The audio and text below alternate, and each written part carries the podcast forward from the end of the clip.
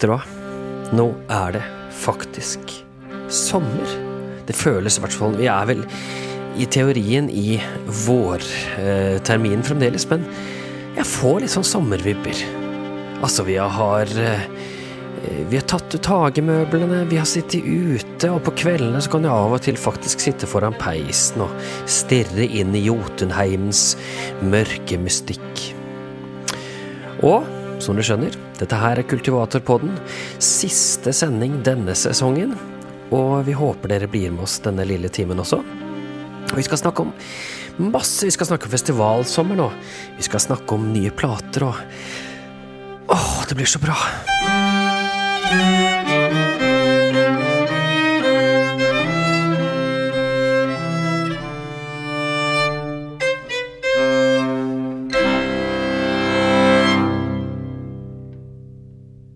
Og med meg her i studio, som da er mitt kontor også, i Vågå, det er da eh, Mette Vårdal. Og eh, hvem er nå du i Kultivator? Det er eh, historikeren, Ja, faktisk. historikeren. Det er det det står på visittkortet ditt og alt. Ja, og filmskaper. Ja, så eh, det er det. Og i tillegg så er du på en måte sjef for dette som heter Kultivatorpodden. Så vi driver egentlig rett og slett helt uten støtte. Vi gjør det frivillig fordi vi digger å snakke om folkemusikk og folkenas. Og fordi det er gøy, egentlig. Er det ikke det? Jo, det er, det er kjempegøy. eh, Og eh, vi, vi brenner jo for folkemusikk og folkedans og, eh, og dette lille, snåle, rare feltet som vi er en del av. Og da Noen må snakke om eh, det som skjer, eh, og vi gjør det gjerne. Eh, Og vi håper at det nå kommer til å bli en sommer full av liv. Dere skal få fullstendig festivalguide fra oss, selvsagt. Og så satser vi på en ny høst etterpå, Vegard, med enda flere kule, bra plateutgivelser og konserter og forestillinger å se på. Og folk skal møtes, og vi skal se på konserter. Vi skal folkelarm, skal det bli. Og det, det er så mange ting som skjer til høsten. Så det kommer til å bli rett og slett eh, helt superkult. Og i dag skal vi snakke om eh, Ja, vi skal snakke om egentlig ganske mye som har skjedd den siste tida. For det har vært ganske mye. Ja. Ja, du, det har, vi, vi starter med aktuelt før vi går gjennom eh, sommerens festivalløype. Men hva trenger vi før noe sånt, da? Vi trenger en Jingle.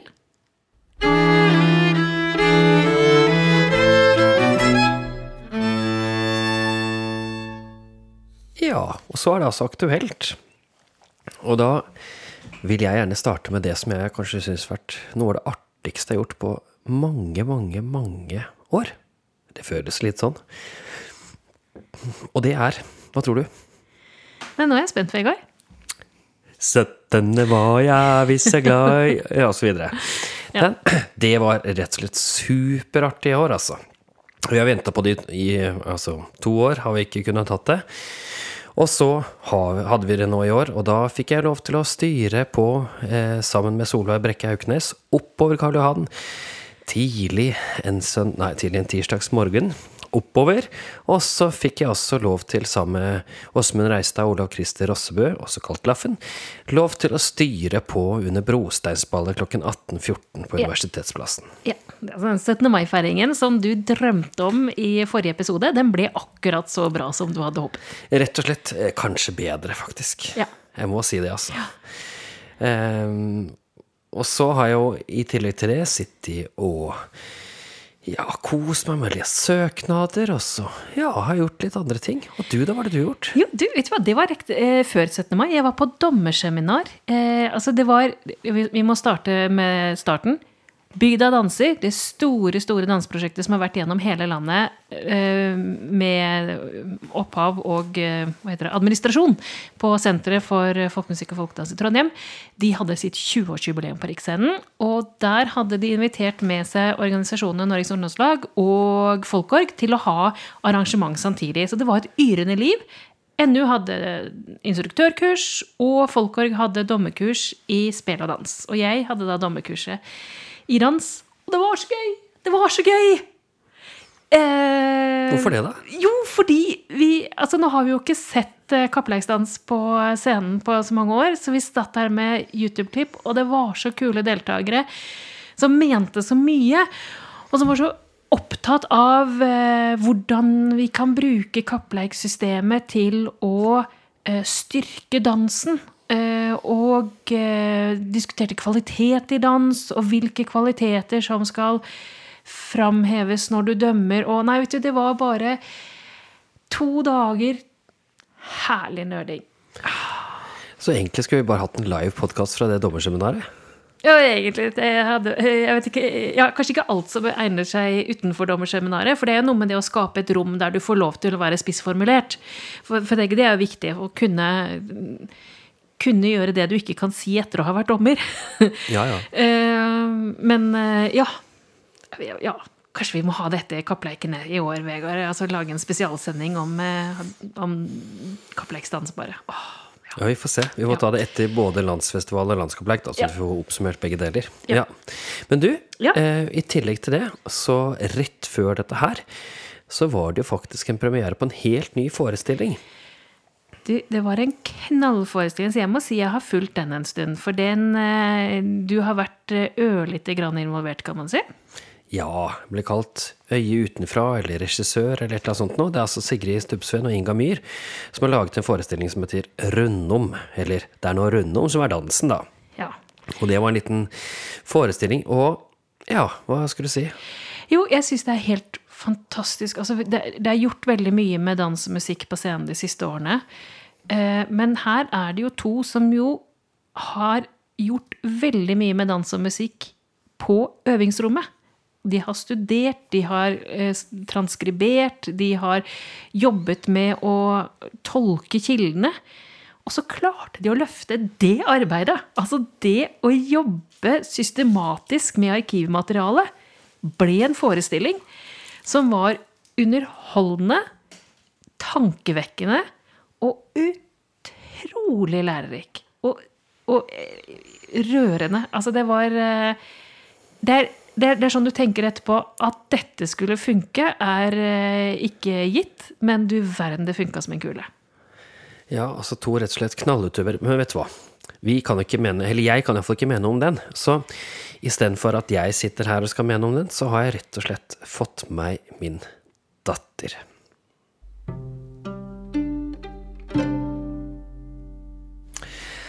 Hei, Mie.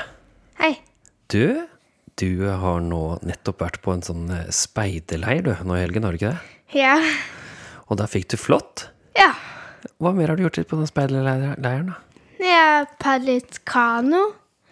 Og så har jeg sett på stavkirke og vært på Solvåren. Ja, se der, ja. Jeg tror du har hatt det ganske fint, det. Ja. Men du har kanskje lyst til å gå og legge deg nå? Ja. Men du, forrige helg, da skjedde det noe annet. Da var du nemlig med mor og så på en forestilling som heter Rundom. Ja. Husker du den? Ja. Litt. Ja, Det var med Inga Myhr og Sigrid Stubbsveen. Hva syns du om den forestillingen? Jeg syns den var veldig gøy. Jeg likte ganske godt det at de skiftet klær i løpet av forestillingen. Det var liksom som en ny dag. Ja, ikke sant? For først hadde de klær på seg sånn til øvingsrommet, og så skiftet de til at de hadde en fest. Ikke sant? Ja. Hva mer likte du av forestillingen, da? Jeg likte ganske godt paljettkjolen til Sigrid. Ja, det vil jeg tro. Har du lyst til å lage en sånn paljettkjole, du også? Ja. Ja, vi får se. Nå fant ikke jeg stoff til deg nå, da, men jeg skal prøve neste gang jeg er i Oslo. Jeg lover. Ja. Det hadde var utsolgt dette på Stoff og Stil. ja. Men hva annet likte du, da? Eh, av kostymer så likte jeg ganske godt de røde skoene til eh, Inga. Inga? Ja, ikke sant? For det var slik at Inga var jo danseren, så hadde røde røde sko, og så var jo Sigrid felespilleren med fele, da, ikke sant? Så det var liksom det hovedinstrumentet hennes. Men forsto du noe av historien og sånn, da? Eller forsto du av Hvorfor er Rundom dansen, da? Vet du det? Jeg vet ikke helt det. Nei, du vet ikke helt det, men de bare dansa og, Ja. og viste masse forskjellig. Men eh, hva tenker du da? Alle rundommene var så korte. Tenker du noe om det? Ja. Jeg likte ganske godt at det var sånn kort, ikke bare sånn én lang en, og så prate, og så en lang en, og så prate. Det, det ble litt mindre kjedelig. Så det var Ja. kort, og så prater om det. Så kort, og så prater om det. Og så husker du at de stilte deg spørsmål.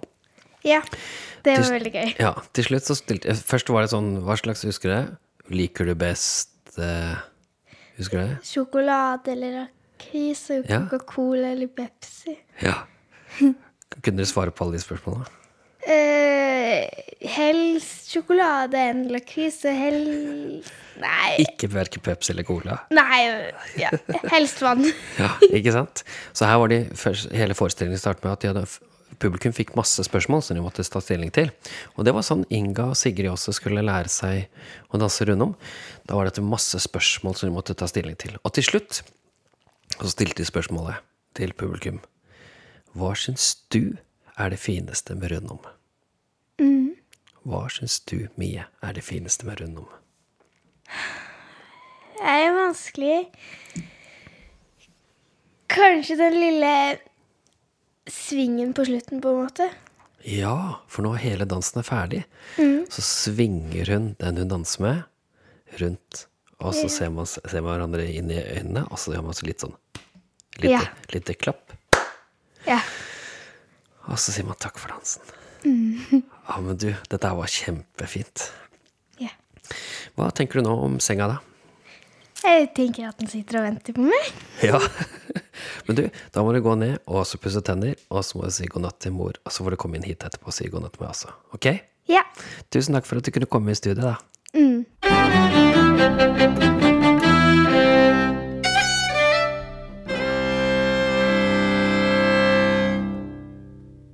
Det var rundom.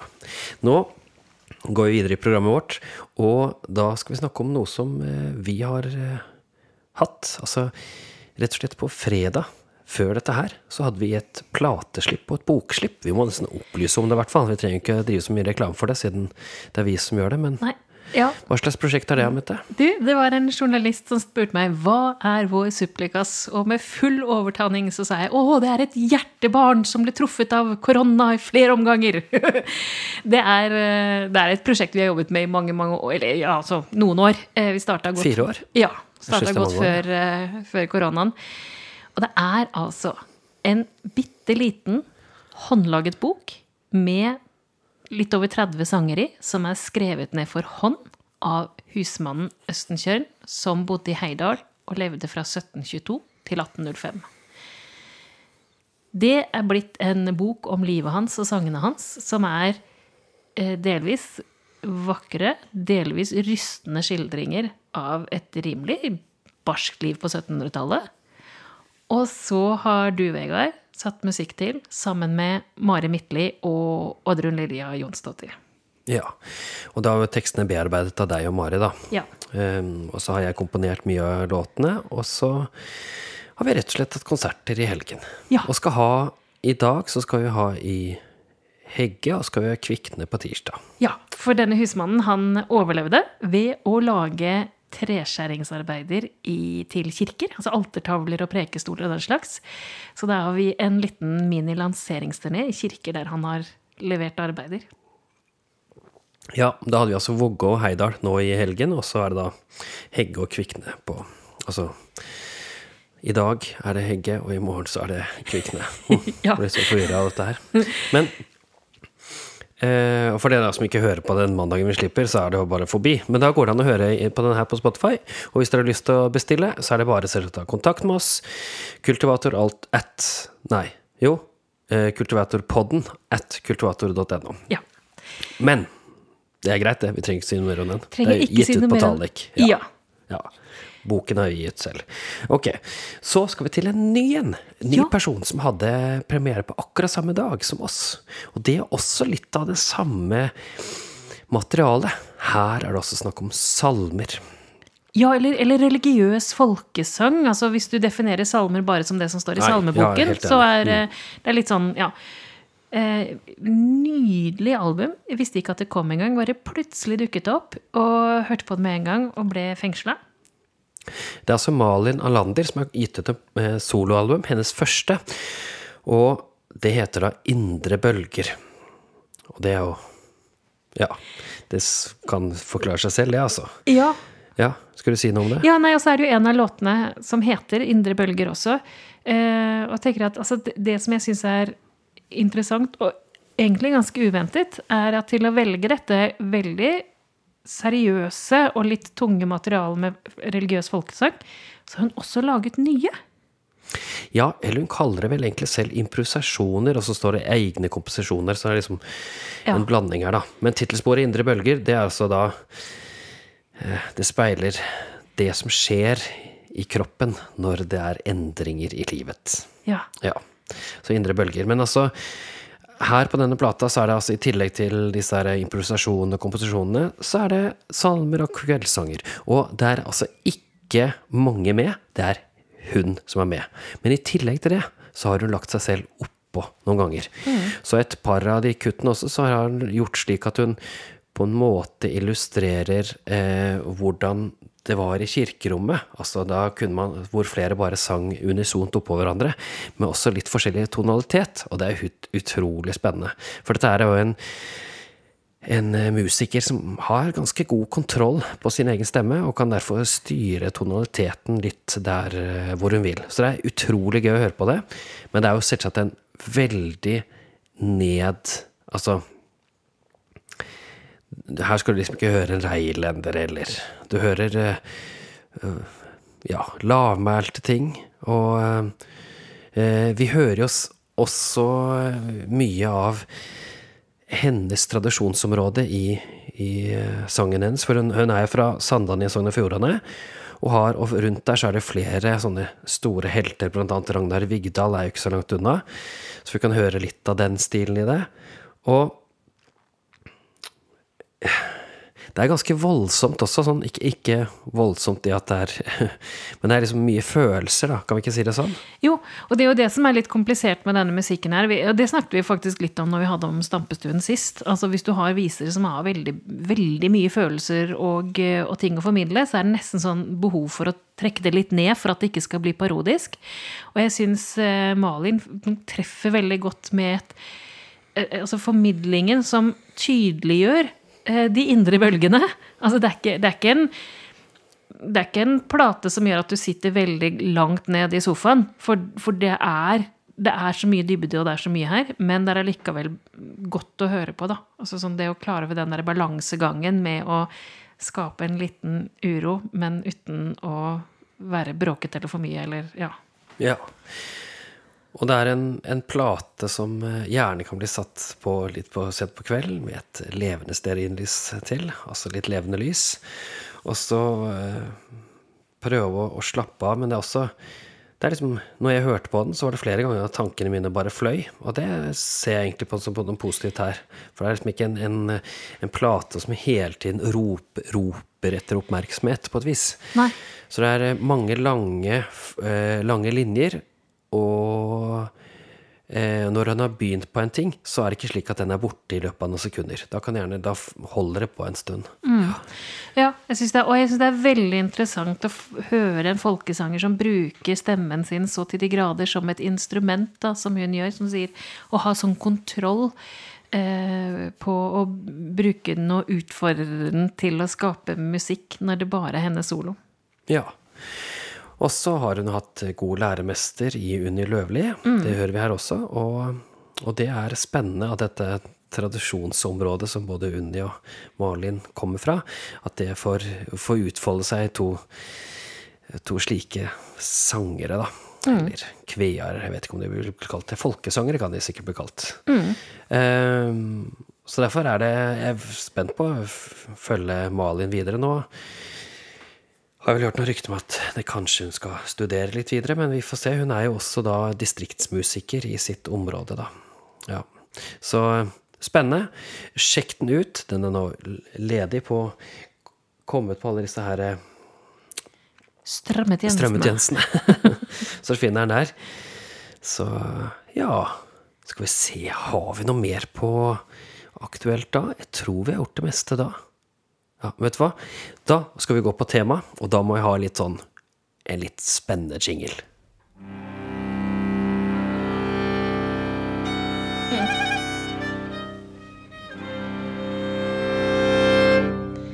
For nå, Vegard, så skal vi gi alle lytterne der ute den ultimate guiden til festivalsommeren. Og eh, vi strekker sommeren langt. Vi begynner straks. Og vi holder på til eh, du burde vært tilbake på jobb for lengst. Stemmer. Og det, er en ganske ja, Kanskje ikke den mest optimale reiseruten, for vi spretter litt rundt i landet, men eh, du får med deg utrolig mye. Og vi starter rett og slett ikke så all verdens langt herfra hvor vi sitter nå, Vegard. Vi starter i Ål. Ja, altså Folkemusikkveka på Ål. Så nå hvor eh, Silje Risdal Lihagen er festivalsjef, det er hennes første festival. Hun har måttet avlyse to, dessverre, så hun er ganske tent denne gangen, tror jeg. Og det starter torsdag 26. mai, eh, og er hele helgen. Og der kommer altså de store navnene på rad og rekke der. Så eh, jeg har valgt meg ut Altså, jeg kan ikke ta alle, for dette her, det må nesten bare gå inn på folkemusikkveka.no og titte der. Eh, men jeg valgte meg ut noe som jeg syns er litt kult. Ehm, for det første så har de altså tatt fatt i dette her nye amerikanerbandet Buster Sledge, som vi også har anmeldt en singel av her senere, nei, tidligere, og som vi skal også ha på eh, Vågå konsertserie i sommer. Skal åpne hele Vågå konsertserie for oss, faktisk. Så Buster Sledge, veldig kult. Eh, tøffe arr og litt annerledes, men allikevel dypt i tradisjonen. Og så kommer jo selvsagt, da, Engerdalen må hit igjen. Så Stubbsveen, Sigrid Stubbsveen og Anders Lilleboe kommer med eh, sitt, sitt her også. Og jeg syns det er litt gøy å ta fatt i disse duoene, for de er en duo her som er ganske Som er mm, unge på et vis, og nyskapende. Altså de er sånn. Og så, rett etterpå, så kommer da Håvard Svensrud og Knut Buen. Det så, hadde vært så kult å høre de to opp, eh, sette opp mot hverandre. Det er ganske tøft, altså. Ja, det, ja. Ikke sant? Og de, da skal de framføre Gagneglød, som er deres komposisjoner. Og som vi også har omtalt i Kultivatorpodden tidligere. Ja, ja, for det vil jeg si var, synes jeg var gøy når jeg så på programmet til år. så så jeg her er det en som har programmert. Altså det er ikke, det er ikke slengt tilfeldig sammen, men det er noen litt overraskende koblinger her som jeg tenker vil underholde og som bidrar til å skape en festival, da. Ja, som er bidratt til å skape en helhet i festivalen. Ja. Ikke bare sånn derre perle på en snor. Eh, og så er det jo veldig morsomt at at rett og slett Poing, altså samtidsorkesteret Poing eh, De som har eh, frekventert på Ultima og har masse egne skrevne verker til seg, de skal altså gjøre Hold deg fast. De skal gjøre Hellbillies. Den plata Sylspente Boots, som eh, nå er 30-årsjubileum for, de skal gjøre det albumet. Og da har de fått med seg ganske mange spennende folk. Det står ikke her, da, men eh, jeg har hørt noen rykter om at det kommer både Langeleik og Fele og, og mandolin, tror jeg. Ja, Men det, det skal vi ta når den tid kommer. Um, men det er liksom tøft at de har alt fra disse duoene som er sånn skikkelig tradd, til da dette her. Og det som er også kjennetegner eh, Folkemusikkveka på Ål, er at eh, de har en bitte liten sånn eh, kappleiksdel, og den kalles fanetulltevlinga.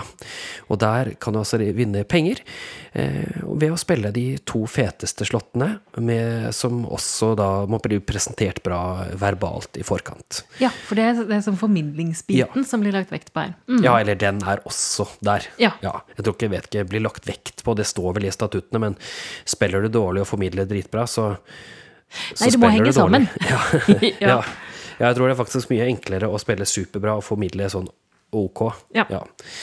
Ehm, og så er det da Mamelux sin andre forestilling, altså sin andre gang de viser Livmødre, Mm. som er da deres uh, danseforestilling som de lagde til Riksscenen nå eh, på 8. mars. ja. ja.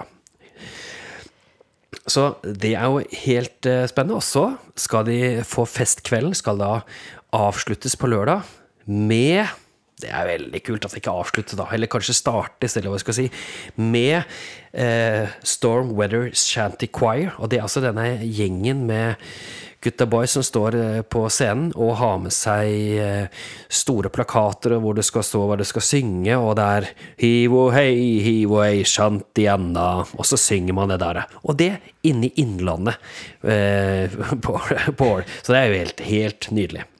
Avslutningen på, eh, på lørdagen er Reola. Dette er eh, bandet med eh, brødrene Sjorstad og eh, Anders Røyne? er Anders Røyne. Jeg tror det er bare de tre. Det er jeg litt usikker på, faktisk. Ja, jeg- jo, nei. Og selvsagt også har vi, har vi trommisen. Han er jo viktig med det bandet. Hans Ja. Hulbekmo. Ja. Så det er, det er ganske kult å slutte av med det. Og så har de selvsagt folkemusikkutjeneste og, og litt sånt på søndagen. Men altså, for et program, da! Tenk det! Ja. Hellbillies på nytt med Poing. To sånne helt sinnssyke duoer rett mot hverandre. Ikke sinnssyke, men den der kom Ja, ja. kombinasjonen der er jo dritrå. Og så Mamalux, da. Eh, og så eh, Nei, du, dette her Det kommer til å bli en fantastisk festival. Altså, Hiv dere rundt og kom dere dit, rett og slett. Ikke Ja. nøl. Nei da, dere har bare noen dager på dere. Ja. Eh, og det er altså eh, starten på eh, festivalsommeren. Og så må du ta deg en god pause og kanskje stikke innom jobb eller studier og ta noen eksamener eller sånt noe før det starter igjen på alvor. Eh, for så er det Landskapleiken i Tinn som er neste. Den er da 22. til 26. juni. Og altså, Landskapleiken er jo Landskapleiken. Det er basert rundt tevlinger, konkurranser, i spel og dans og sang. Eh, og det er jo det som tar det aller meste av programmet på dagtid. Og så er det premieutdelinger, og så er det dans og, og fest på kvelden. Ja, Og det er vel slik at alle kan delta, men nå er det dessverre for seint, for påmeldingsfristen var 16. mai. Ja, Så det eneste sjansen du har, tror jeg, er uh, sjokoladekappleik. Ja, og da må du helst være under 16 år. ja. Du kan jo prøve å kle deg ut. Men i tillegg til da eh, det som på en måte er kjernen i kappleik Og det er, det, må jeg si, det er jo mange som liksom lurer på ja, men kan jeg gå på kappleik, jeg har jo aldri vært der før. Ja, det er bare å gå. Kjøp deg en dagsbillett og hør på masse forskjellige tevlinger. Og du kan gå inn og ut litt, grann, det gjør jo folk hele tiden. Og bare å høre på eh, og få med deg litt av det som skjer, fullt mulig. Eh, Men i tillegg til det så er det jo også et eh, kulturprogram.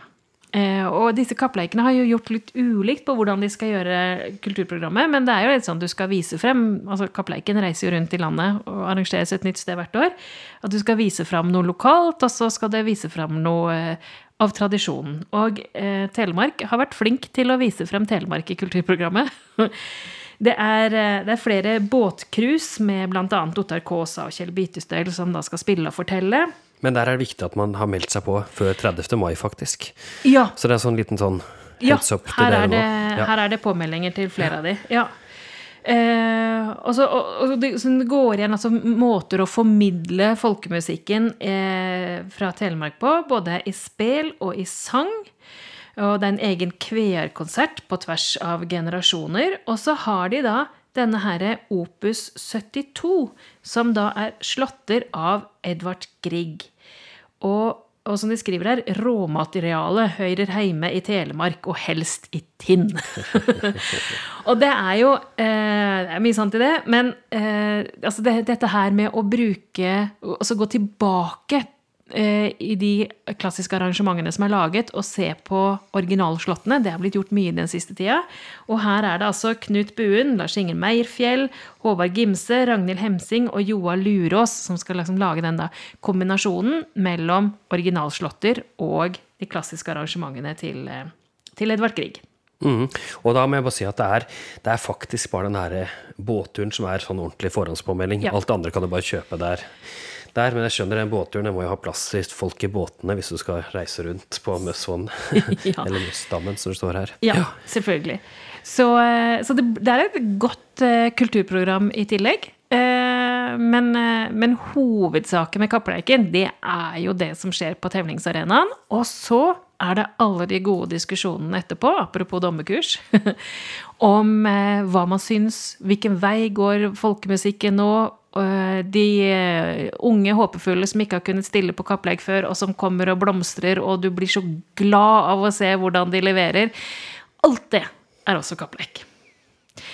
Eh, Men nå, etter det, så er det ikke så fryktelig mye tid til pause, Vegard.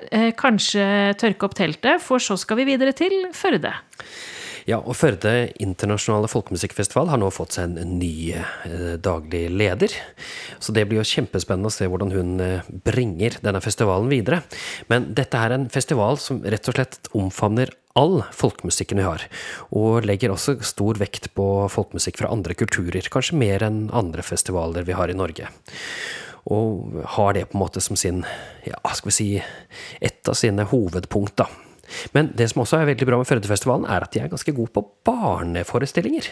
Så her har de f.eks. en helt en, eh, en forestilling med Ja, altså Med Sigrid Moldestad som Reindråpebarna og andre dyr. Og så er Solfri Molland, som da er en trekkspiller, men også har, eh, har eh, litt annen annen kulturell bakgrunn. Hun har vært på altså Lilleriksen. Hun skal også ha en egen eh, Eller har flere ganger, faktisk, program her. Så det er kjempespennende. Eh, og så jo vet ikke om jeg husker den plata til, som Anne Hytta var de sjef for, med Johanne Flåttorp på Tuva Ferden? Ja, den eh, hardingfeletrioen. Jepp, riktig. De skal ha konsert der, og det er bra. For det blir også tatt litt av korona. Og så er det en som jeg vet bare kommer til å være publikumssuksess, og det er Stian Karstensen, eh, Elias Akselsen og eh, Kvernberg, eh, felespilleren, Ola Kvernberg.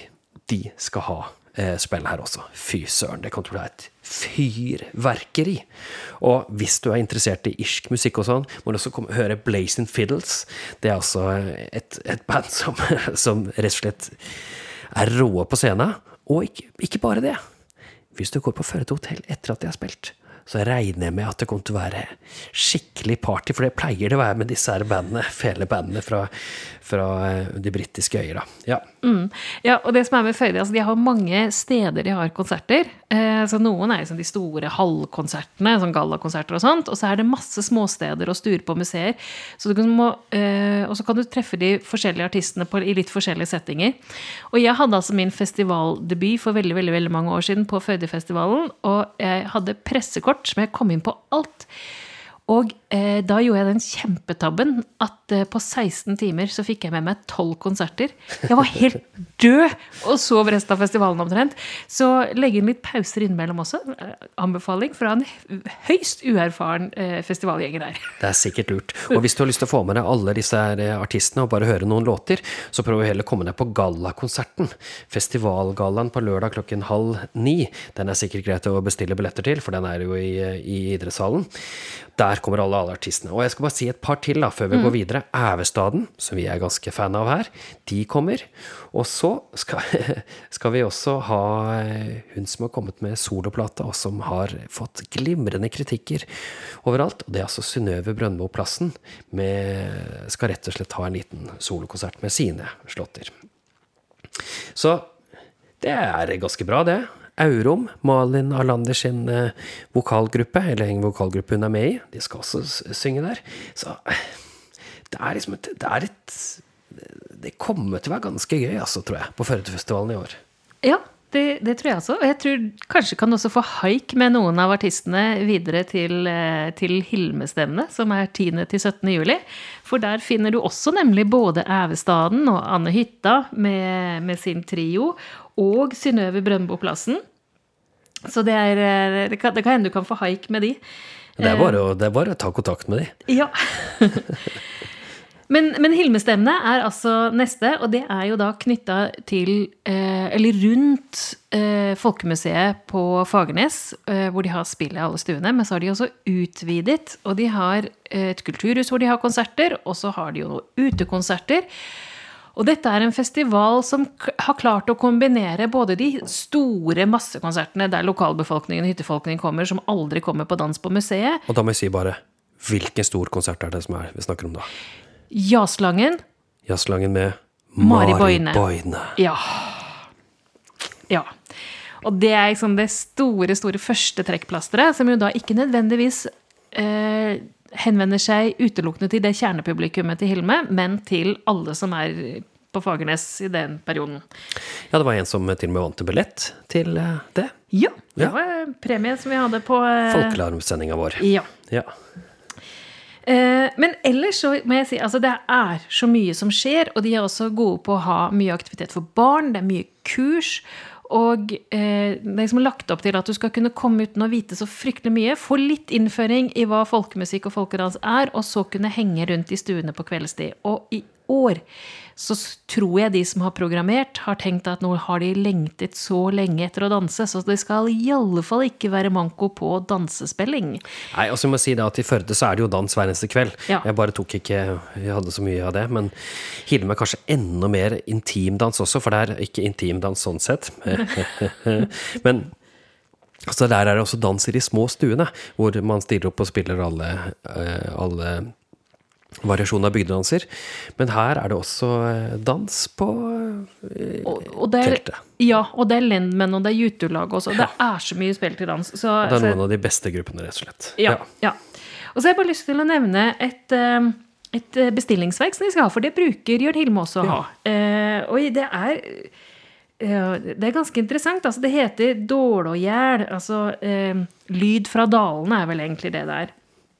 Og så har de da eh, De har tatt slåtter, og så har de tatt med til bitte, bitte små uh, biter. Og så har de fordelt de bitene ut i orkesteret, eller i, blant musikerne. Og så skal de liksom sette det sammen igjen som et orkester. Uh, og det er Astrid Garmo, Hans Tjorstad, Helga Myhr, Kenneth Lien og Rasmus Tjorstad som skal ha dette. Uh, og, og det er, det er eksperimentelt. Eh, på en måte som vi jo også har snakket om før. Eh, ja, vi snakket jo om Rasmus Tjorstads plate, var det én eller to sendinger siden. Som også er, selv om det var en soloplate, noe av dette her med å gå tilbake i tid, og allikevel løfte det fram i tid. Så eh, dette vil jeg også anbefale å få med seg. Ja, og så er det jo eh, Jeg vil også ta og snakke litt om Brigdene Letene. Brigde Letene, altså et, eh, et eh, opplegg med Anne Hytta og Telemark Kammerorkester. Og det er på torsdag, da. Mm. På eh, Kulturhuset. Eh, Så det kommer til å bli ganske morsomt å sjekke hvordan det, hvordan hardingfele fungerer inn sammen med Telemark Kammerorkester. Det har jeg Ja. Ja. Og så brigde jo, betyr jo endring, ikke sant? Og så er det eh, hvordan ting farge, endrer farger og Altså hele greia er skrevet spesielt til Jørn Hilmestøvne, rett og slett. Så det er jo også sånn De har kanskje der De har to, to bestillingsverk, da, denne gangen. Ja, ja, Eller det er det kan kanskje fra tidligere? Ja, Nei, det ble Ja, det ble framført første gang i 2019. Ja, nemlig. Mm. Så, men, eh, men som sagt, dra til eh, Jørn Hilme. Sett opp eh, telt på campingplassen. Så har du kort avstand til, til arenaen. Og det er også eh, kappleik på Jørn Hilme-stevnet. Ja, og så er det ikke bare det at det er kappleik. Altså det, det er noe for hele familien på Jørn Ja. Hilmestevne. Alltid. Altså det er eh, Vi har jo mistet våre barn der mange ganger. Altså, ikke i den forstand at vi mistet de, men de har bare forsvunnet med venner og henger og bader og Ja. det, er så, det er så bra. Eh, dette er kanskje en av de festivalene jeg syns er best på det å ta, ta vare på alle. Altså Vi har ministrunken, vi har mikrostrunken, vi har strunkeveko, vi har kappleik. Eh, vi har sånne eh, konserter for folk som knapt kan gå, som bare tusler inn og kan få høre på en spelmann prate sakte om en slott de har spela i flere år. Så tenkte jeg først du snakket om mikrostunken, men her er det liksom i den andre enden av Ja, andre Ja. enden, ikke sant? Så vi har Og de er kjempeflinke til å ta vare på det, Ja. eh, og det er et vanvittig fint sted å ha festivalen. Ja. Hilme, veldig, veldig kult. Ja. Definitivt. Ja. Eh, favoritt, eh, favorittfestival, og det er vel også neste festival, men der Hilme har blitt veldig stor, så eh, kommer vi nå til en litt mindre festival. Ja.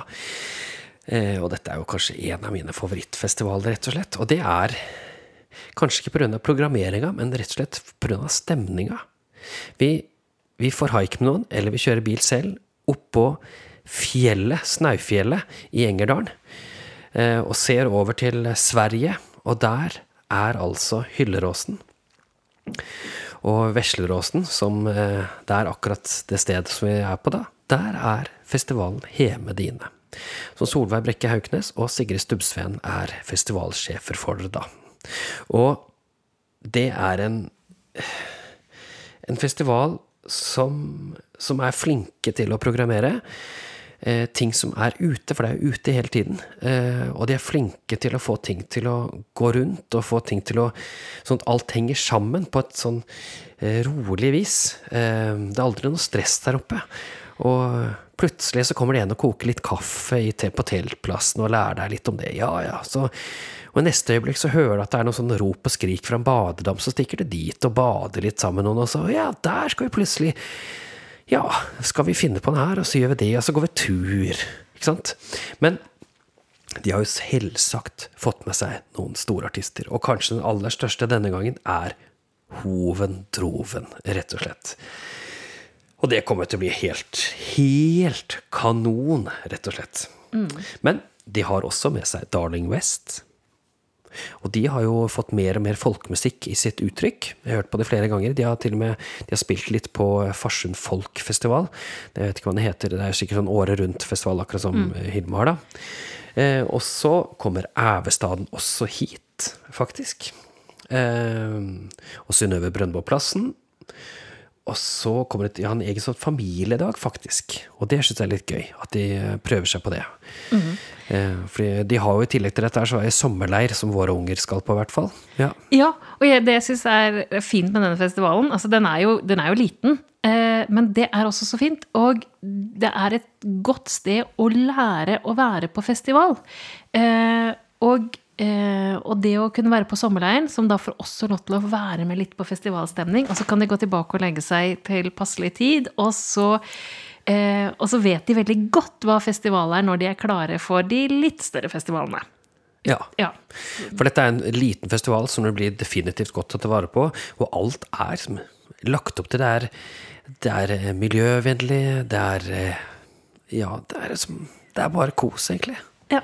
Og så sitte på kveldene, og så har vi fyrt på bålet, og så lærer vi kanskje noen drikkeviser av Synnøve Brøndbo Plasten, mens eh, kanskje Bjørn Kåre Odde og jeg og noen andre står et annet sted og så jammer litt over noen låter som vi har fått på forhånd, ikke sant? Det, er, det er så mye bra med denne festivalen, og den hadde femårsjubileum i fjor, så da er det vel eh, Eller ikke femårsjubileum, de hadde vel Det blir jo det, da, for det var Ja. noe koronaår her. Eh, og så skal vi da Håper vi virkelig at de fortsetter i minst 35 år til. Ja. Men Heme dine, det Ja. er jo en, en eh, helt grei og super festival. Men så må vi rett og slett roe ned sånn festivalpreget. For nå må vi komme oss hjem. For oss er det Vågå, selvsagt. Vaske klær og fikse og deale og ordne og la det gå litt tid. Kanskje vi til og med rukket en liten ferie i mellomtiden. Kan du Mulig det. Men så må vi hjem og henge opp eh, skilt for eh, hvor eh, campingplassen er, hvor stevnekontoret er, hvor eh, tevlingsarenaer er, osv., osv. For da braker du løs i Vågå. Ja, hva er som er i Vågå da? Du, det er eh, landsfestivalen som er i Vågå 3.-7. august. Og det er altså gammeldansens parallell til Landskapleiken. Det er Folkorg som eier arrangementene, og som deler det ut til lokallag, eller som har lokallag som arrangører. Og eh, denne gangen så er det Vågå trekkspillklubb som står som arrangør. Og de skal da lage en eh, festival i Vågå. Og de gleder seg. De var så De hadde til og med en egen eh, meisterkonsert i fjor. en TV-sending. Fordi det ikke ble festival i fjor, for det har også selvsagt vært koronautsatt. Ja. Eh, men her er det også eh, tevling som er basen, men da gammeldansmusikk og i gammeldans. Dans. eh, og mye, mye dans på kveldene. Og det er jo dans også i tevlingene. Altså når man spiller Ja. opp til tevling, så er det jo dans, rett og slett. Ja. Eh, og så er det jo da også her et, et kulturprogram som er mye eh, Kanskje ikke så lokalpreget som, som det landsfestivalen var, men eh, men, eh, men mer basert på, på gammellands Det er liksom gammellandskonsert i kirken, og det er eh, Ja. Eh, Så jeg tror det blir veldig bra. Og så må jeg jo si, helt objektivt selvsagt, at Vågå er en perfekt plass å ha landskapleik og landsfestival. Det er så trivelig, og det har skjedd så mye i sentrum. Det har kommet nye spisesteder, vi har fått ei bitte lita gågate. Butikken har fått helt nyoppussede lokaler, og det er uh, Vi må jo bare invitere alle til å komme til Våga, for da kan vi jo treffe alle dere som hører på den her. Det har vært supergøy. Og hvis det er slik at dere treffer oss på en eller annen festival i sommer, og ikke tør å gå bort til oss og diskutere med noe, ikke gjør det, altså. Kom igjen. Vi er klar for å diskutere. Eh, kanskje ikke aggressivt, men med eh, stjerner i blikket. Så bare kom og snakk med oss. Vi er eh, ganske jordnære, egentlig, tror jeg. Og i hvert fall på festivaler og på Kapp Kappleik. For da er vi jo bare Det er jo bare skai, vet du. Ja. Ja. Så, eh, men det er bare så vidt vi rekker å tørke teltet igjen, for så skal vi til eh, litt sørover igjen, til Telemark. ja, og hva skjer der? Du, fy fela for en festival det er slagordet deres i år. Ja, de sier så. så de har fått eh, det Jeg husker da jeg var der eh, eh, for første gang for lenge siden. Så det som er med Telemarkfestivalen, er at de har folkemusikk gjerne i kombinasjon med americana og kanskje litt sånn Hva skal vi si det Det som vi kan kalle festmusikk, da, i tillegg. Mm. så denne gangen så har de Det er vel ikke hele programmet som er sluppet ennå. Så Men jeg ser iallfall at Annbjørg Lien kommer dit. Og Catrione MacDonald. Og det er liksom en, litt, en del, liten del av String Sisters. Så der blir det Det kommer til å bli kjempegøy. Eh, og så er det selvsagt Tov Wetterhus. Det er han som altså ga ut plata Stålslott. Han spiller altså munnharpe. Og så har han fått med seg en annen solist på et litt merkelig instrument, nemlig eh, bassgitar. Mattis Kleppen kommer også dit og skal spille, og det syns jeg er helt naturlig. Og så har Gjertrud Sigøynerorkester. De har også både på Hilme og på Telemarkfestivalen. Ja. Så de er på onsdag på Hilme, og så er de her da på, eh, på søndag 13. august skal Gjertrud Sigøynerorkester spille. Og så er Frida Åndevik med, står det her. Og ja, jeg har liksom Jeg har troen på dette her, jeg. Hva Ja, tenker du? ja og jeg, eh, vi, vi snakket vel om det i fjor, at det var noen festivaler som var litt i ferd med å finne seg sjøl, kanskje. Og Telemarkfestivalen er eh, ser ut som de har gjort en kjempejobb både med programmering og eh, å liksom oppdatere uttrykket sitt. Eh, og, og som sagt, ja, fy fela for en festival. Eh, så jeg tror de er eh, på, på vei opp og har, eh, har brukt pandemien godt på å, å finne seg sjøl. Så jeg tror det blir spennende. Eh, og så er jeg litt sånn usikker på hvordan det, hvordan det blir, altså hvordan det funker som festival. Eh, men jeg tror de har gjort et eh, godt stykke arbeid som, eh, som det er vel verdt å få med seg. Ja, jeg gleder meg kjempemye til å, å sjekke det ut, fordi Telemark har også vært ganske flinke til å eh, kombinere folkemusikk og klassisk musikk, for det har de klart å gjøre hele veien. Vi var på Nordsjø Kammermusikkfestival, som også der, som også kombinerte folkemusikk og klassisk. Der hadde jeg spilt et bestillingsverk en gang. Så eh, jeg er spent på om dere som klarer å lage hele bredden. Altså eh, alt fra kirkekonserter hvor eh, samtidsfolkmusikk blir spilt, til å gå ned på, på eh, teltet og høre Kanskje ikke Rotlaus, men noe lignende. Ja. ja. ja. Så, eh, så det, det blir spennende. Men det er altså Telemarkfestivalen. Men samtidig, altså for her må du gjøre et valg. Ja. Det må det faktisk. Ja, for, Men de er eh, ganske langt fra hverandre, da. Ja, for i Målselv så er det kalottspill 11. til 14. august. Ja. Eh, og det, det er så lange avstander at her går det faktisk ikke an å pendle mellom konsertlokalene. Eh, men eh, kalottspill er jo en det er jo en lang, lang lang tradisjon som etter hvert har blitt til en, eh, til en veldig tydelig festival nordpå, med et godt produksjonsmiljø i Målselv. Eh, De er jo i slutten av, eller midten av august, så de har ikke sluppet programmet ennå. Så det eneste vi vet, er headlineren. Hovenroven. ja. Og det eh, er jo Det er jo i og for seg en grunn god nok til å dra til, eh, til kalottspill. Men eh, i fjor så hadde de besøk av Anders Lillebo, som laget direktepodkast fra kalottspill, og hadde intervju med flere av de som var der. Og snakket han også et intervju med Terje Fosshaug og Nina Fjellet, som da er eh, med som arrangør, fra arrangørsiden. Så veldig gode på å liksom forklare og beskrive eh, hvordan de tenker rundt eh, festivalen og arbeidet i Målselv.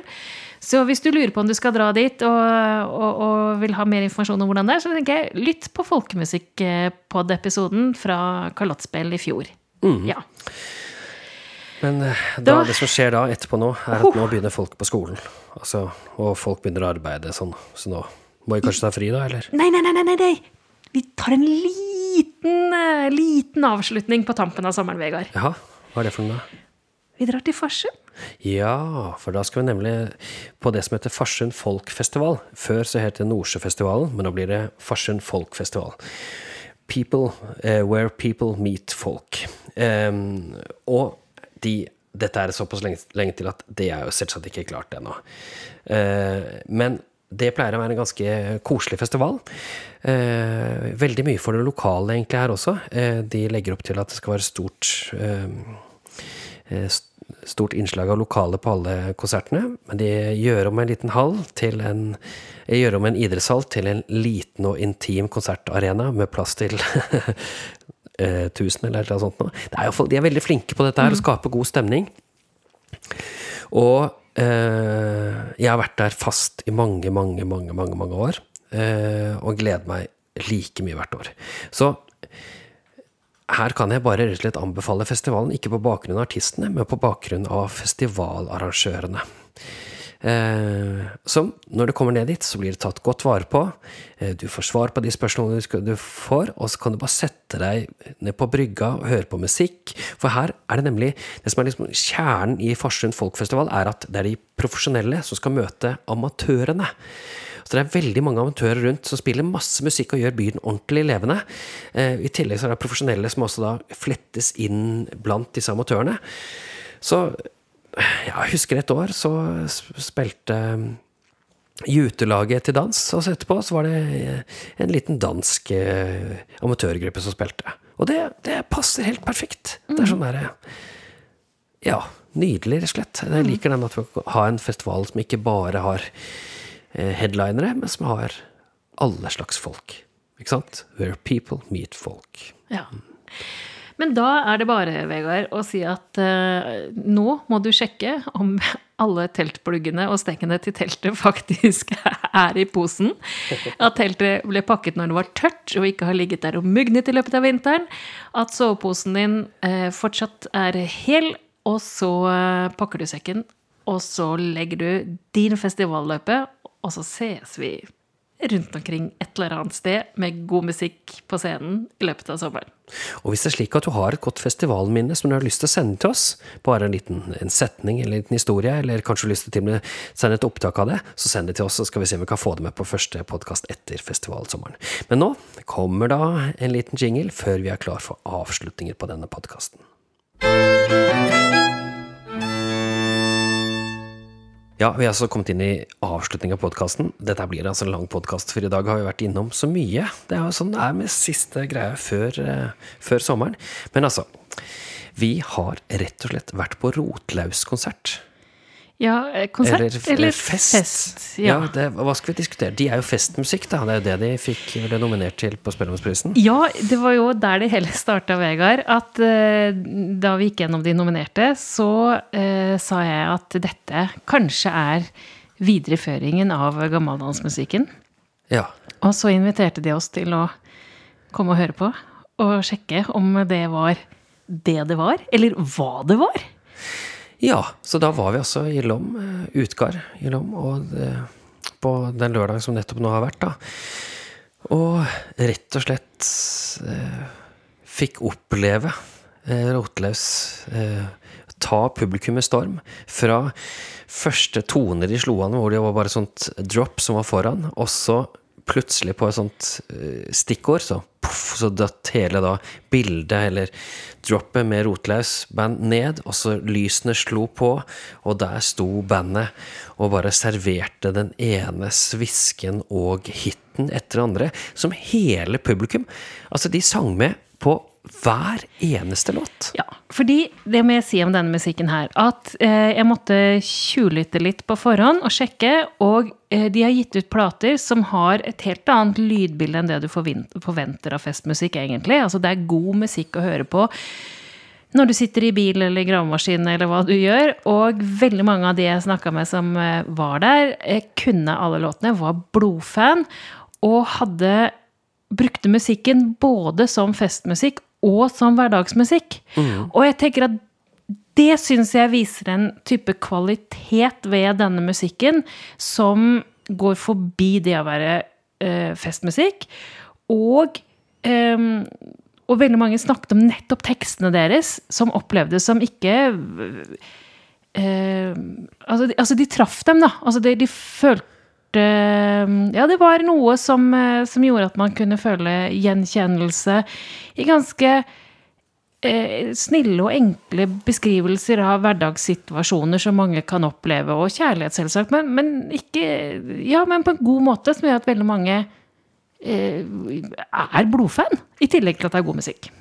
Ja, for her var det altså ikke slik at det er jo ikke de vanskeligste ordene og de vanskeligste liksom, setningene eller Det er liksom bare rett fram god og grei eh, musikk som, som, folk er eh, Som man liksom ikke trenger å være en eller annen superutdannet person for å kunne få med seg alt sammen. Men samtidig så er det det at det er ikke Det er jo for alle, fordi det er enkelt å forstå og greit og nyttig og fint og bare hyggelig, på en måte, da. Ja, og vi har, vi har snakket om det for ikke så lenge siden, faktisk, hvor vi, vi har jobbet så mye med podkasten med å eh, se på det eksperimentelle, det annerledes, det som eh, tester grenser, det som utfordrer oss, det som er avansert.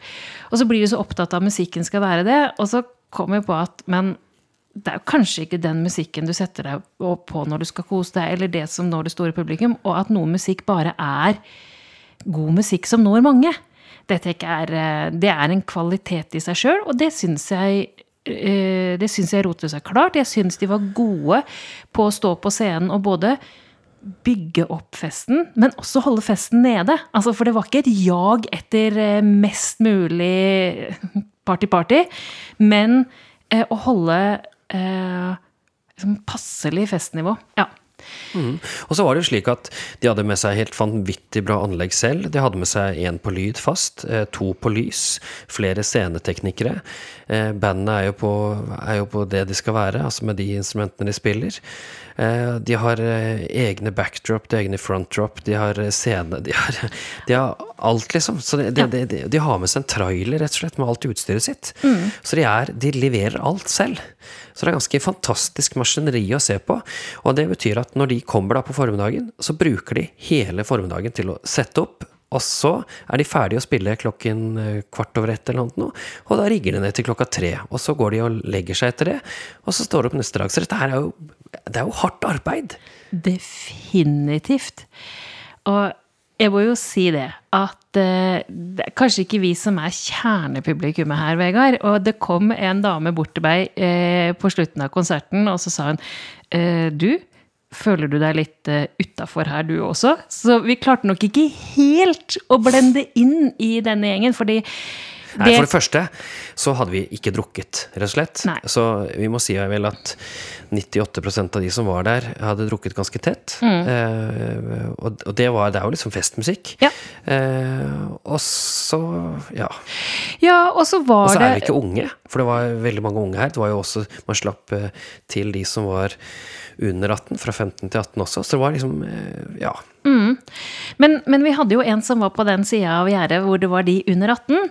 Og hun kommenterte jo det at uh, hun trodde kanskje de hadde det bedre. For det var litt mer tøys på dansegulvet vårt. Det dansegulvet ble jo litt ødelagt etter hvert, for det var vanskelig å danse. Ja, for det var så mye fulle folk der. Ja, men jeg tror jo at de som dansa, og som hadde med seg noen å danse med, og som dansa godt, hadde den beste kvelden. Ja, og så eh, Vilde, da, hun sa at det hun likte best med Rotlaus, det var én, det sosiale, faktisk. Å treffe mm. venner og henge med de. Og eh, to, husker du det? Vi diskuterte bilen på vei hjem i går. Ja. ja. Nei, det var jo musikken. Musikken, ja. Rett og slett. At det var god musikk. Ja. Og det var bra at hun hadde det som et, et eh, poeng. Ja. Mm -hmm. Og så Nei, det var siste poeng jeg skulle huske, det. Ja, det er det, du som skal huske dette her. Nei, men så var det det at de, man beveger seg, man kommer det er, en, det, er som, det er, et område man kan stå i og, og henge med venner, da. ikke sant? Ja. Så sosiale betyr ganske mye.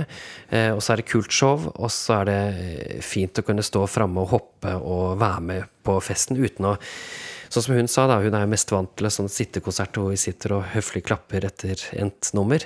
Hun slapp alt det her. Hun kunne bare være seg sjæl hele veien og hyle til vennene sine og Ja, Til og med dansa en liten vals, sa hun. ja ikke Ja. sant?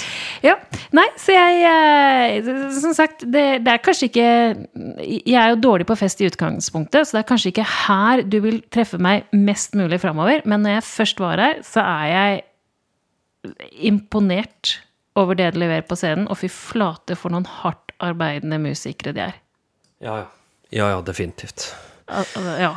Så hva skal vi konkludere med, da? Jeg er glad for at også de som eh, ikke klarer å gå ned trappen engang, og de som eh, ikke tør å gå ut på dansegulvet, og som aller helst henger i baren, og de som kanskje ikke helt tør å gå ned på, i salen engang, men bare står oppe på tribunene, jeg er glad at de også får god musikk. Jeg er veldig glad for at eh, det fins kvalitetsmusikk, seriøse musikere, som leverer god musikk til folk flest, og tar dem på alvor. Ja. Men da ønsker Rotløs hjertelig velkommen en annen gang, og vi kommer sikkert til å se det en gang til, og gjør ikke det? Skal ikke se bort fra det.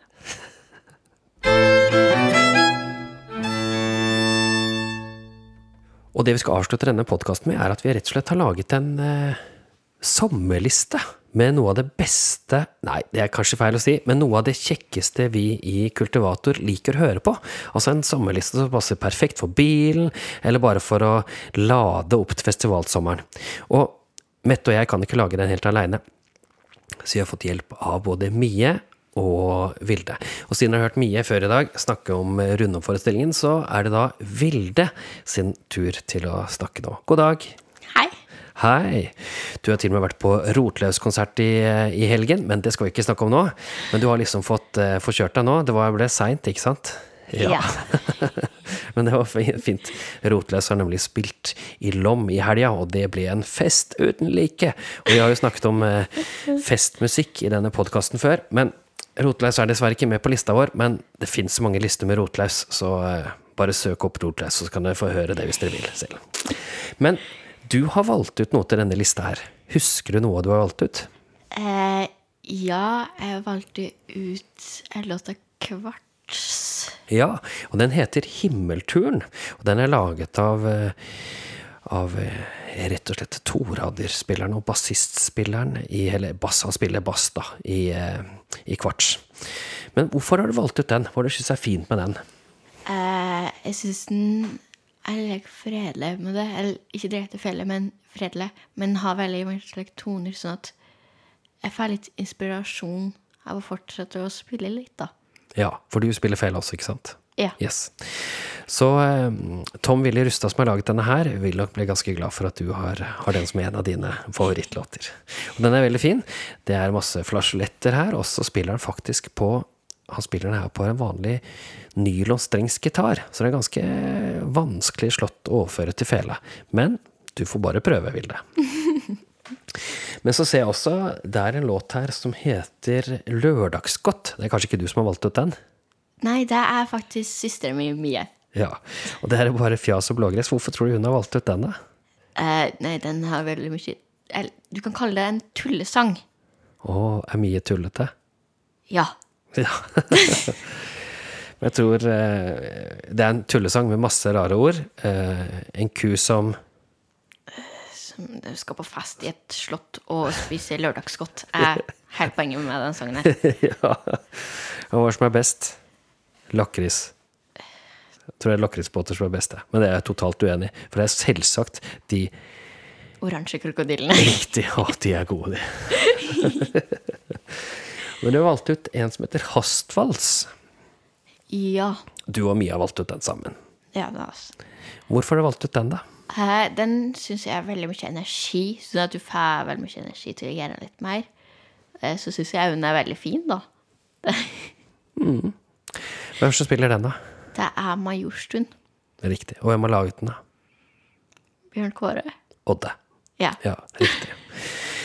Hvis det da er det noen andre ting på den, som ikke er med på den listen, som du gjerne vil, eh, vil at disse våre lyttere skal høre på i sommer, hvilket band er det som har lyst til i tillegg?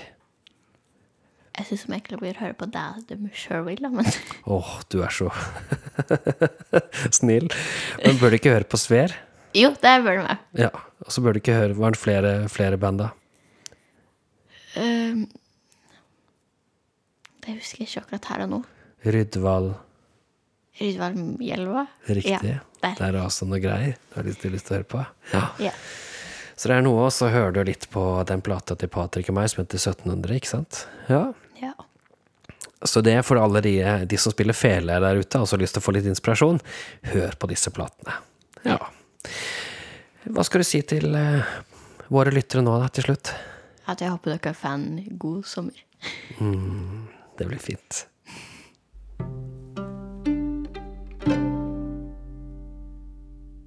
Men nå, Mette, nå skal vi ta hele eh, lista i ett. Og da vil jeg starte med første. Det er nemlig et forspill fra Ingfrid Breie Nyhus sin plate. Hvorfor jeg har tatt med den på spillelista, er rett og slett fordi Sven Nyhus, han er 90.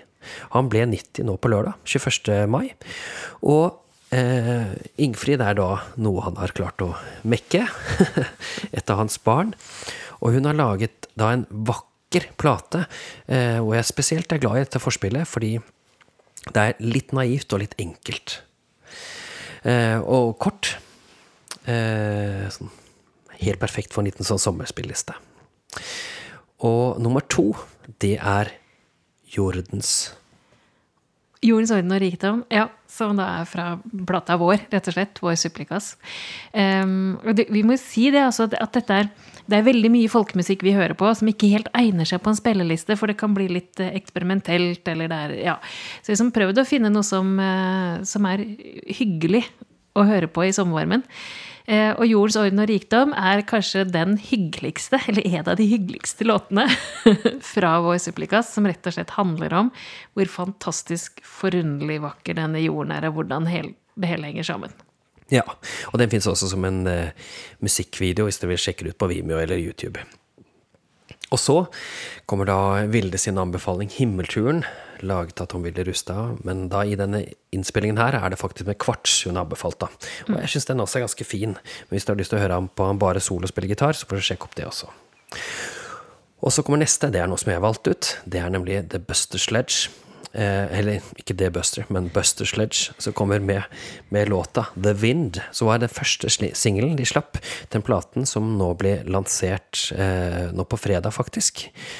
Eh, jeg gleder meg til å høre den platen. Den blir eh, helt nydelig, og vi ga singelen ganske bra eh, omtale, rett og slett. Eh, så og så, etter det, så kommer en plate som du faktisk har vært med å lage cover til, og som vi har også anmeldt sammen med en annen plate, nemlig eh, efterfølgere. Og her får vi da Thomas Nilsen som eh, synger eh, en veldig vakker visetone som heter Tre vers. Ja, ja og det er jo, det er jo en eh, veldig fin liten sak, som er veldig utypisk for resten av plata. egentlig, for det er jo egentlig storgardsmusikk som plata er. Men, eh, men den gjorde seg utrolig godt her på spillelista vår. Og så kommer Hæringstadhallingen.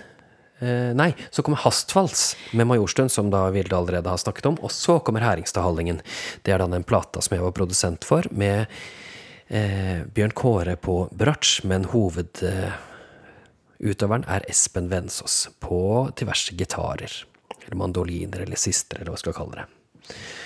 Også etter dette her så kommer da en låt som du har hentet fra en plate som Åsmund Reistad og jeg har gitt ut. Ja, duoplata deres som heter Breibeint. Og det er rett og slett en liten vuggevise. Bånsull til eh, Klariel. Uh, og det Ja, altså, ikke, du må ikke sovne riktig under denne her, men den er eh, en av mine småfavoritter. En liten, liten, stille, forsiktig perle. Som eh, jeg lagde faktisk til eh, en liten Klariel som bor her i Vågå. Så det er veldig sånn hyggelig minne også fra, fra hennes eh, tilblivelse. Og du klarer ikke å sovne så lenge, for du blir nemlig vekket av lørdagsgodt og mye sin tullesang. Men den passer ganske godt inn her. Ja. Og så kom etterpå det, så kom vi til da det store Den store konserten som mange prater om, som var liksom en, en utgang av pandemien, med gruppa Blåmann Blåmann. Med blant annet Odd Nordstoga, som eh, kanskje sånn eh, hoved... eh, Eller ja, det er, jeg tok han var hodet, for det er liksom Askaut Bakken, eh, Silje Hegg. Silje Hegg og Lars Underdal, ikke sant? Ja. Så det er, det er jo ganske like, tror jeg, egentlig. Ja. Men det er iallfall de fire som dannet denne gruppen her. For over 20 år siden. Ja. Eh, og nå har det kommet ut på en stor LP med tre ekstra låter. Vi har ikke valgt en av de ekstra låtene nå. Vi har valgt Vi har valgt eh, Trollhalling.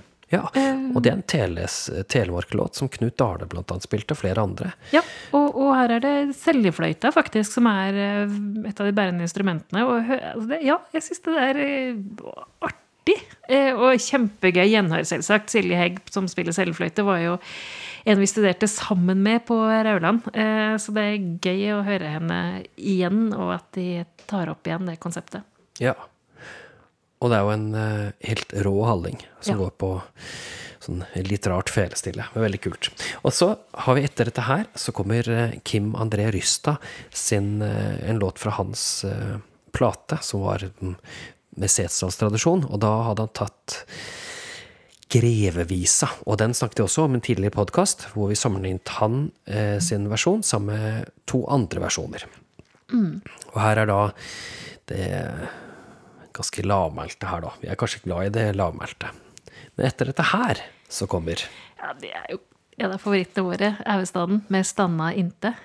Eh, som eh, du også får høre rundt på altså De er jo en av festivalvinnerne i sommer òg. Det er de definitivt. Ja. Og De er ja, underfundige tekster og små eh, Litt sånn lekne, men allikevel eh, veldig balanserte arrangementer. Ja. Her, det var jo også årets produsent som vi ga premie her. Ja, Hans Morten Austestad, ja, er godt produsert plate, altså. rett og slett. Ja. Og så, etter det, så kommer eh, også en låt som du har valgt ut, som da er Malmin. Gruppa med Ja. Ja. Ehm, Anders Hana og Olav Christer Rossabø. Eh, og eh, vi hadde jo en anmeldelse her for et par eh, episoder siden med denne plata og eh, Rasmus Tjorstad. eh, som som ja, går litt tilbake til noe opprinnelig. Her er det en munnharpeslått. Eller altså, vi bruker munnharpe mye på, på denne. Uh, jeg liker den også godt. Uh, det liksom tenderer til eh, både litt eksperimentell og litt tilbakeskuende. Og veldig nerdete. Ja, veldig! veldig. Altså, jeg tenkte jeg måtte ha med én låt fra, fra, fra de platene, fordi de, jeg liker de veldig godt. Og ja, her var det denne jeg valgte ut, men hør på begge platene også. Ja. Og så etterpå så kommer da eh, Hoven Droven, som da hadde i pandemien også da en slags sånn relansering på Grappa plateselskap. Ja. Jeg hadde masse fine musikkvideoer, blant annet til denne her, som er Fela Inferno. Det er altså du som har valgt den. Ja, jeg syns det var så gøy, og midt under pandemien så kommer det godt voksne, store karer og danser disko til felemusikk. Det er eh, det var, det var gøy, og det var det jeg trengte akkurat da. Og jeg satt og hørte gjennom når jeg skulle velge ut til spillelisten, så tenkte jeg ja, jeg trenger det fortsatt. det er bra. Og så er det jeg som har valgt ut neste, og det er eh, Synnøve Brøndbo Plassen, som eh, kommer rett og slett med en yndlingsvals for meg. Det er sånn Det fins over hele Norge. Vi har, eh, jeg har hørt den eh, i Rogaland, jeg har hørt den langt, langt opp i Nordland. Eh, Men her heter den vals etter Lars Tuvan. Utrolig sånn vemodig sak. Den fins også masse i Sverige, den her. Eh, Synnøve har en vakker versjon av den her. Og så er det du som har valgt ut neste, faktisk.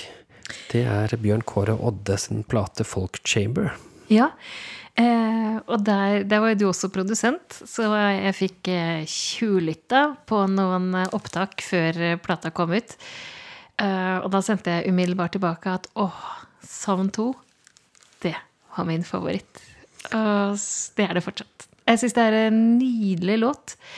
Eh, men sånn passe melankolsk, samtidig som den er noe liksom har liksom den derre det gode i å savne noen, for hvis du savner noen, så er det jo noen du er glad i også. Altså, altså, ja. Eh, nei, eh, den eh, liker, jeg, den liker jeg veldig godt, så det er min favoritt fra den Folk Chamber-plata til Bjørn Kåre. Og da er det veldig naturlig å gå over til Sander Tingstad sin, sin soloplate, eller hans Ja, Det er ikke solo, for han spiller sammen med folk hele tiden, men det er han som liksom initiert den. Og her er det en låt som han spiller sammen med Mats Erik Odde, hvor Mats Erik Odde har tatt pianoarrangementene til Sparre Olsen og gjort om til eh, trekkspill. Og så spiller Sander Tingstad eh, de seks gamle bygdevisene fra Lom, og med skeiv tonalitet og det hele. Ja. ja og det er, en, det er en suite på seks eh, utrolig morsomme låter. Vi valgte ut den første. De andre er enda kortere. Men ja, nei, igjen litt på hele plata. Denne her er altså en sånn liten, liten favoritt. En liten overraskelse, kanskje, som jeg ikke hadde hørt før, og som jeg likte veldig godt i denne formen her. Og så vil vi rett og slett slutte av med en av de låtene som jeg ikke trodde skulle bli noe jeg kom til å tenke på, men som er en av de låtene jeg kanskje er mest fornøyd med å lage. Det er nemlig den som heter Østen. Altså Østen, som eller Øystein eller Estin, eller hva man skal kalle han.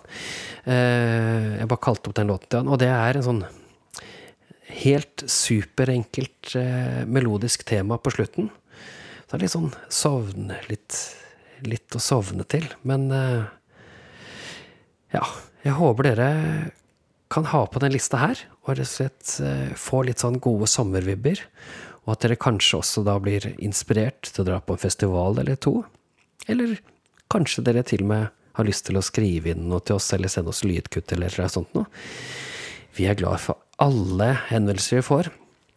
Og jeg kommer til å sette opp sendeplanen for neste høst. Det kommer til å sette opp i august. Så hvis dere, vil ha noen hvis dere har noe innspill til den, så send det gjerne til oss. Så kan vi prøve å få inn alt. Det som vi vet at vi skal ha, er at vi skal ha en nerdegang med tonalitet. Men ellers så står mye åpent. Vi kommer sikkert til å ha litt av folkelarm også, regner jeg med. Men, Ja. ja. ja. Hva tenker du nå på slutten, Mette? Nei, nå ble, jeg, nå ble jeg veldig klar for eh, sommerferie. Ja. Eh, ikke en rolig sommerferie, men en aktiv sommerferie med mye god musikk. Og det blir bra. Men da kan vi kanskje sammen ønske alle lytterne våre god sommer.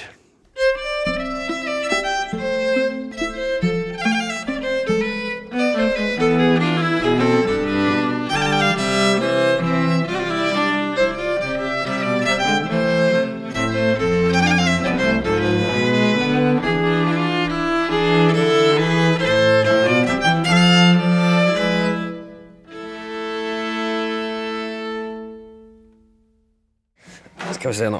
Mie? Ja? Er det Mie jeg snakker med? Ja. Ja, fint.